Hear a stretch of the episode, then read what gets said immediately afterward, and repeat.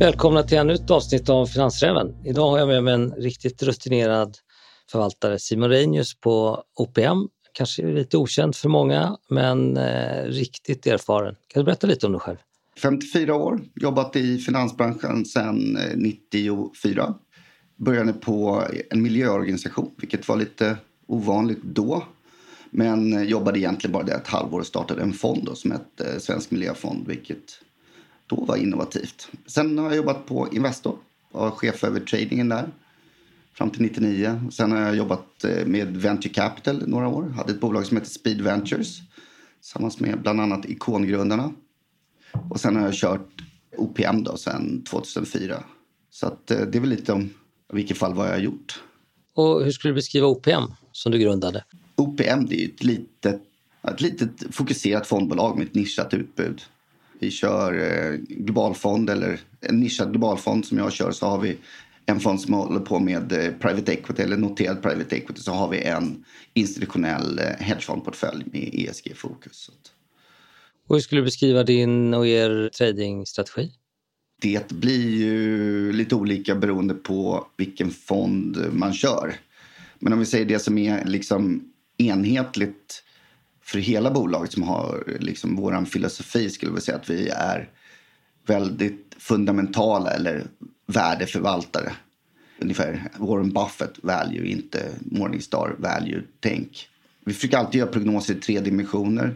Avkastning, risk och korrelation. För vi tänker att våra fonder inte ska ägas enskilt utan som komponenter i större portföljer. Vi drivs mycket av innovation.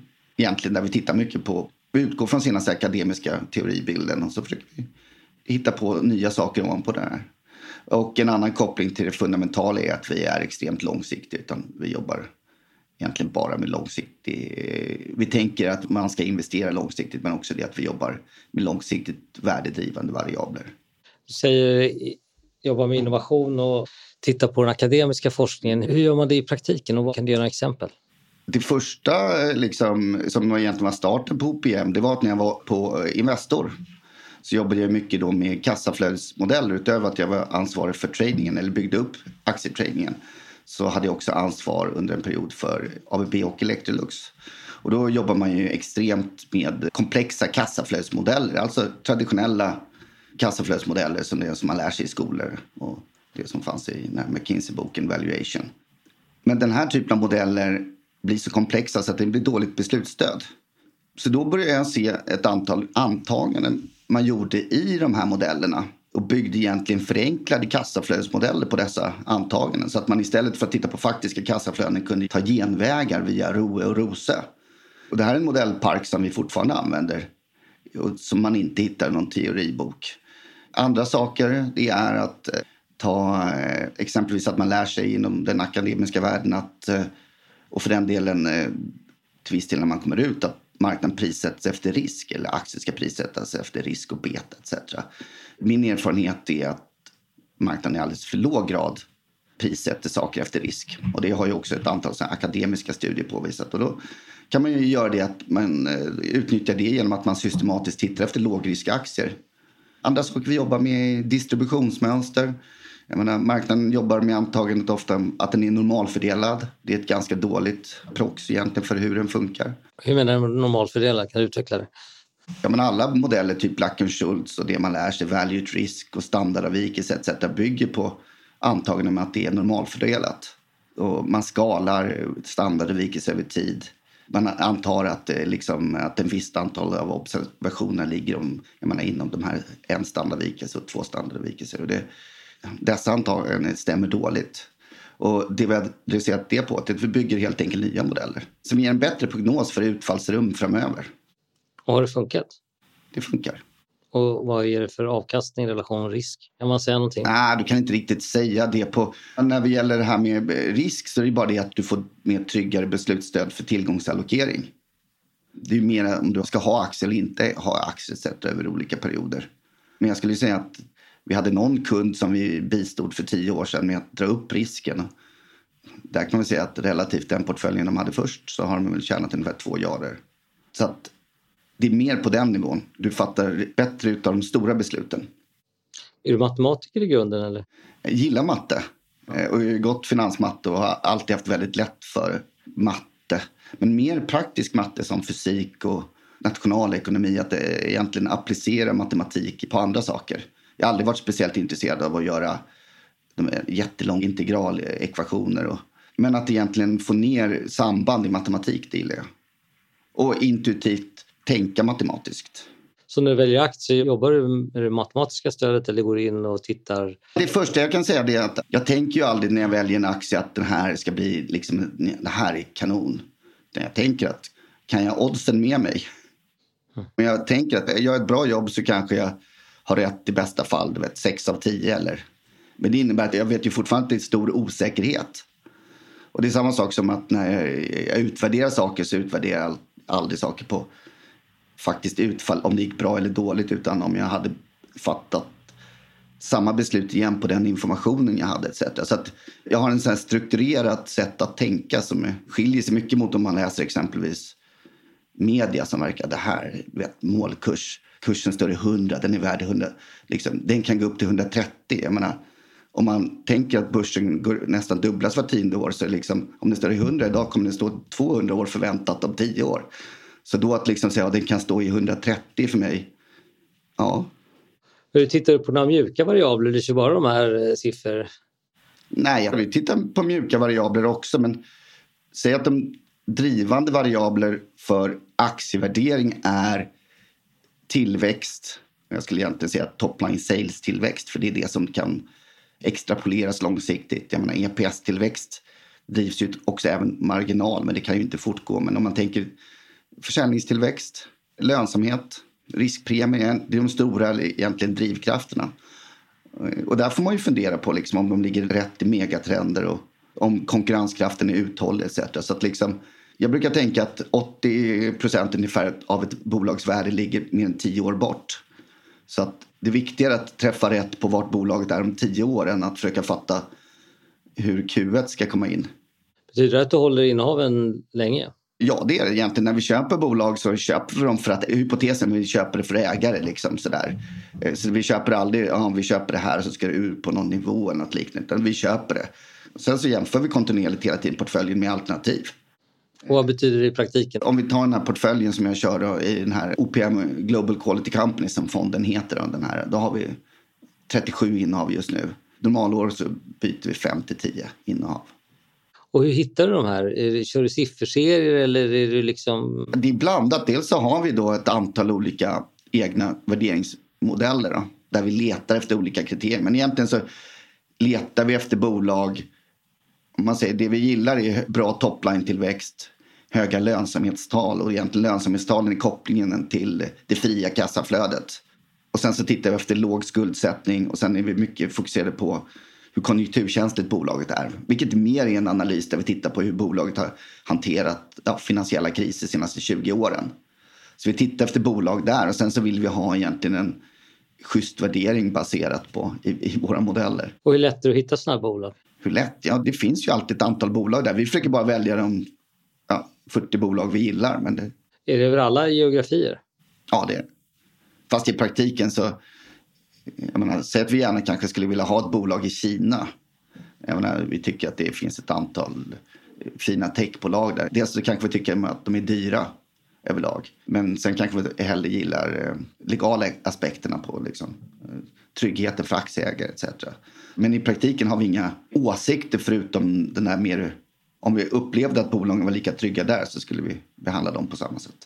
Som ett amerikanskt bolag. Eller? Har du några svenska aktier? Vi har precis sålt Atlas Copco faktiskt. Det var väl det sista svenska innehavet. Eller senaste kanske?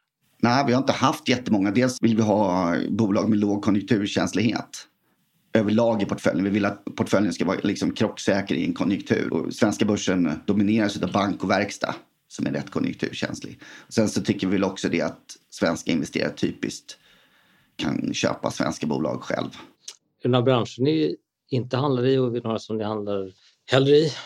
Tittar vi på det vi har så har vi en del eh, healthcare, vi har en del tech, olika konsumentvaror. Både liksom... Går ni in med olika storlek i innehaven eller är det samma? Nej, samma. Ungefär. Vi tänker att vi ska ha 2-3 procent. Men vi är inte sådär... Vi tycker inte att det spelar någon roll om en är två och en halv och en är tre. Vi börjar kanske rebalansera när om du tycker att det är en halv procent diff mot, medial, mot, mot medelvärdet. Eller sånt där. Men det är mer det när det kommer flöden att vi försöker justera. Men det är inte så att det spelar jättestor roll om man har exakt. Men det är lika viktigt att det är grunden.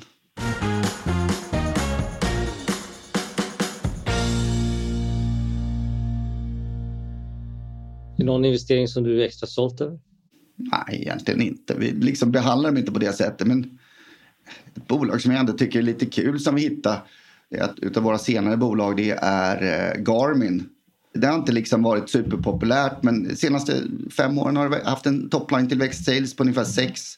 Men växt mer på senaste 12 månaderna. Haft bra de här typ sport, consumer gadgets etc. har gått bra så nu har de växt. Topline sales växt med 12 procent senaste 12 månaderna. Och eh, obelånat. Jag menar det är en stark marknadsposition, hög lönsamhet. Tradar ungefär 20 gånger vinsten. Det känns som det är ett bolag som vi kan hålla i länge. De har en viss proprietär teknologi, men de har ett starkt varumärke. Till viss del den här divisionerna som eh, bildivisionerna som varit större historiskt liksom går ner och blir mindre och mindre del vilket gör att det, liksom, det är det som har hållit ner tillväxten lite. De har haft fyra divisioner som har växt och så kanske en som har minskat lite. Så, så att vi kan ändå se att ja, det är typiskt kvalitetsbolag. Mm med låg konjunkturkänslighet och som tradas obelånat på 20 gånger vinsten. Det hittar vi bara på, på att vi liksom scannade, eller egentligen på olika i våra modeller där vi egentligen bara letar efter olika nyckeltal och letar och så trillar de ut, trillar de ut och sen så jämför de mot befintliga och så jämför de mot alla sektorkollegor. Vi tittar, du vet. Mm. Ja, jämför vitt och brett. Men också så lägger vi på lite mer, tycker vi att det känns logiskt. Kan vi se att det här bolaget är vettigt liksom. Och det, det är också, de verkar ha en jättebra företagskultur, vilket vi tror är viktigt om man tänker att värdet är huvuddelen av kassaflöden ska komma tio år framåt. Jag menar, de får vunnit massa priser för management. Och... Träffar ni bolagen? Eh, nej. Inte alls? Nej. Dels liksom så har vi inte någon position där vi kan få någon bättre insikt. Men sen är också det att de har ju sin agenda. så ja. det som är viktigt är ju att vad vi tror om bolaget om tio år. Då brukar jag menar, några bolag säger att ja, vi ska ha 12% marginal så har de 6. Liksom. Ja, det går inte, du vet, och vissa säger att de ska ha 6% marginal och de har 12. Liksom. Om man börjar liksom tänka och så det kan nog vara så att den här vdn kan liksom tala för att det ska bli 12. Liksom. Ja, men det har du ju sagt i 10 år. Det har ju aldrig blivit bättre. Siffror ljuger mindre än management. Om vi talar siffror och vi har pratat forskning tidigare så kan man säga så här att Forskning visar att det är endast 4% av aktierna som skapar avkastning utöver statsskuldväxlar och det är ganska låg ränta. Det är 58% går sämre än statsskuldväxlar. Det är forskning som går tillbaka till 20-talet. Eh, har, har du någon uppfattning om det? Den där forskningen har jag inte sett. Vad sa du att det var 4% som... Av aktierna som skapar avkastning utöver statsskuldväxlar, man kan säga, vad säger över 10% nominellt. Och det var fem, vad hände med de andra då? Du hade 58 procent. 58 procent på sämre. Och, rest, och, och, sämre. Det, och hade du då differensen var exakt. Jag tycker, men jag förstår väl poängen att det är få bolag. Få som, bolag som så, verkligen så, genererar i portföljen. Eh, det ena är att jag tycker att det känns givetvis mycket på om du tar med small caps och såna här jättemikrocaps och saker. Jag, jag, tycker att det, det första så är, visar det på vikten av diversifiering. Det är väl det ena. Jag har också tittat på studier där man tittar på att exempelvis likaviktade index mm. går bättre än värdeviktade. Så det talar lite emot den där logiken. Nej, jag har inte någon egentligen jättebra kommentar. Det är liksom, eh, men, men, men, om man bara tänker på en normalfördelningskurva så är det så att det är ganska få bolag i en sån kurva som liksom svarar ändå för en större del av uppsidan. Tittar vi på venture capital så brukar man ju tänka att det är liksom 9 av 10 går åt helvete. Mm. Och sen så en, ett innehav gör 20 gånger pengarna och då fått ändå en bra, en bra total investering. Och det är klart att det är så även inom aktier. Du, OPM började ju med mycket med hedgefonder. Mm. Vad är din syn på hedgefonder idag? Min syn på hedgefonder idag är att jag tycker att de har underlevererat de senaste tio åren ordentligt. Jag kan faktiskt inte riktigt en gång förstå att det har varit så dåligt som det har varit. Å andra sidan så tycker jag att hedgefonder idag sällan har varit ett mer attraktivt investeringsalternativ relativt räntebärande investeringar. Men det är ju för att jag tycker att räntemarknaden är helt felprissatt. Så att om jag ändå tror att hedgefonder kan leverera med väldigt lågt beta, par tre procent. så är ändå det en bra investering idag när du har negativa korträntor och liksom även tioåringar är på negativt. Jag menar, att, att köpa en tioåring eller, eller ta en 30-åring idag, en svensk 30-åring. Du låser in kanske 1,5 negativ realränta. Ja, det, är Det är, bizarrt. helt, det är helt bisarrt. Det är som att låna ut pengar till staten på 30 år och tänker att du ska få tillbaka. Om du lånar ut en hundralapp så om 30 år om du en gång får tillbaka den så får du tillbaka 50-60 spänn. Det är Bra liksom- affär för staten. Ja, det är det faktiskt. Det är liksom så här, om staten bara du vet, lånar upp pengar och köpte aktier som jag tror att det kanske ger 6% det är nästan 10x realt. Det är ju som ett arbitrage. Men ur det perspektivet, det är nästan som, det är nästan som att jag är besviken för hedgefonder med, med, på hedgefonder men jag tycker att jag köper mycket hellre hedgefonder än räntebärande placeringar och det gäller både statsrisk och krediter. Och det är framförallt för att krediter är, det har en sån här en riskprofil som inte jag tycker är attraktiv. Utan det egentligen går bra nio år av tio. Och sen år tio förlorar du allt. Och det är ju liksom ur ett diversifieringsperspektiv. Så är det Du väldigt dåligt. undviker eh, företagsobligationer, företagspapper överhuvudtaget. eller? Ja, jag, jag tar mycket hellre den typen av risk i min aktieexponering. Så att liksom, jag själv ligger, jag ligger väldigt ak- aktieexponerad och med lite hedgefonder men jag har ingenting i räntor. Nej, nej. Man kan säga så här att jag har alltid varit en aktiekille. Så att jag tyckte att eh, jag band mina räntor, kommer jag ihåg, en gång, på 4% för tio år sedan.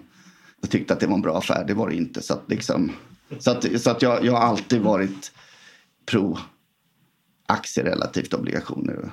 Du som ändå har stor tradingerfarenhet och handlat aktier länge. Vad tycker du funderar mer om vanligaste misstagen som man ska undvika? Vad skulle det vara?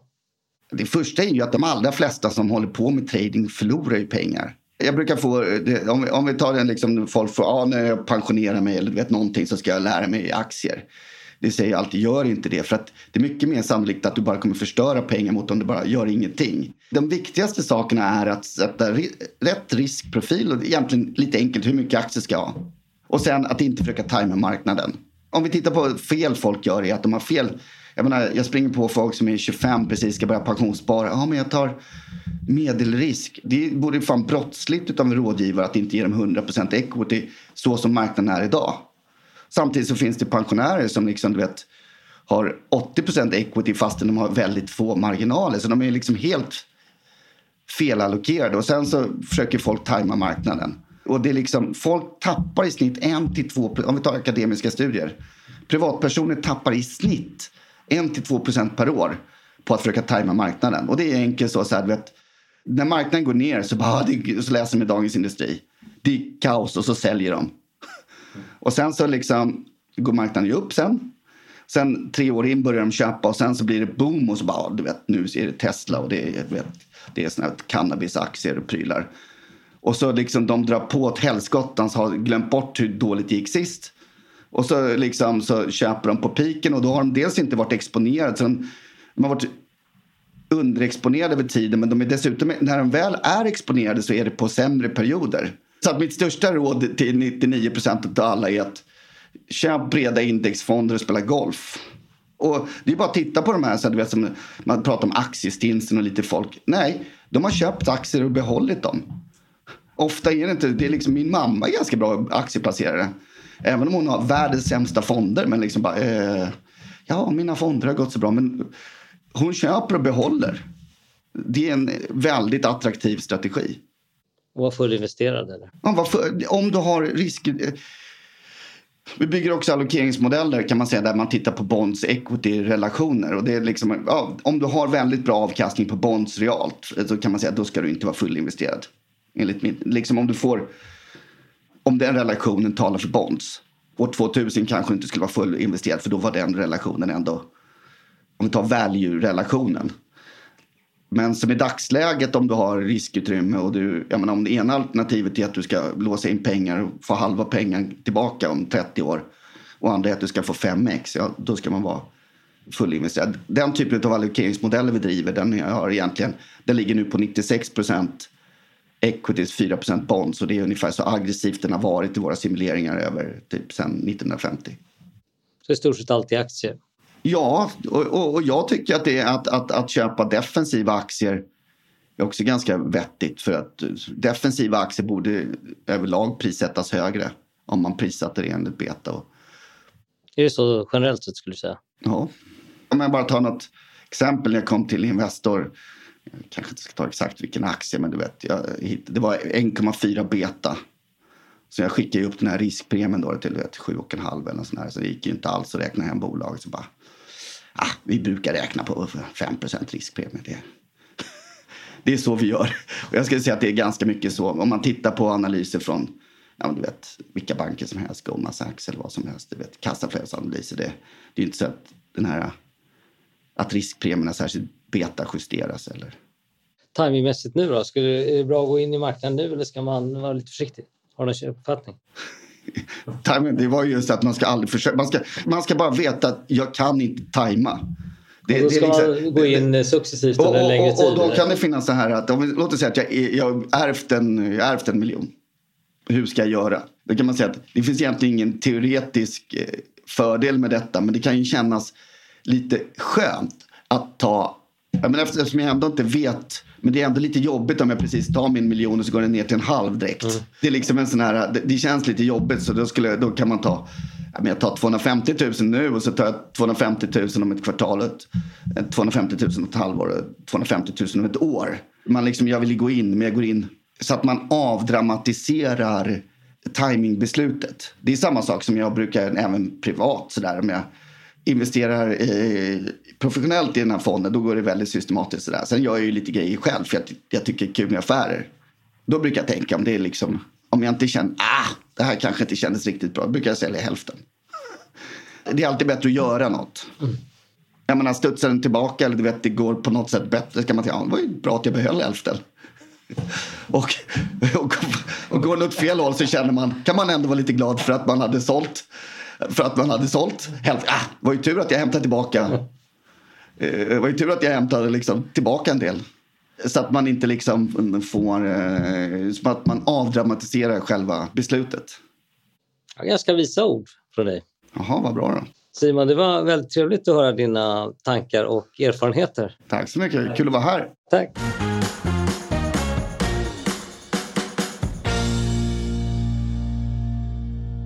Finansräven har ytterligare en gäst idag. Det är Haider Al-Kaisan som är VD och grundare av Nordic Rise, ett bolag som nu genomför en pre-IPO där man drar in upp till 15 miljoner och som sen siktar på en listning inom ett år. Haider, vem är du?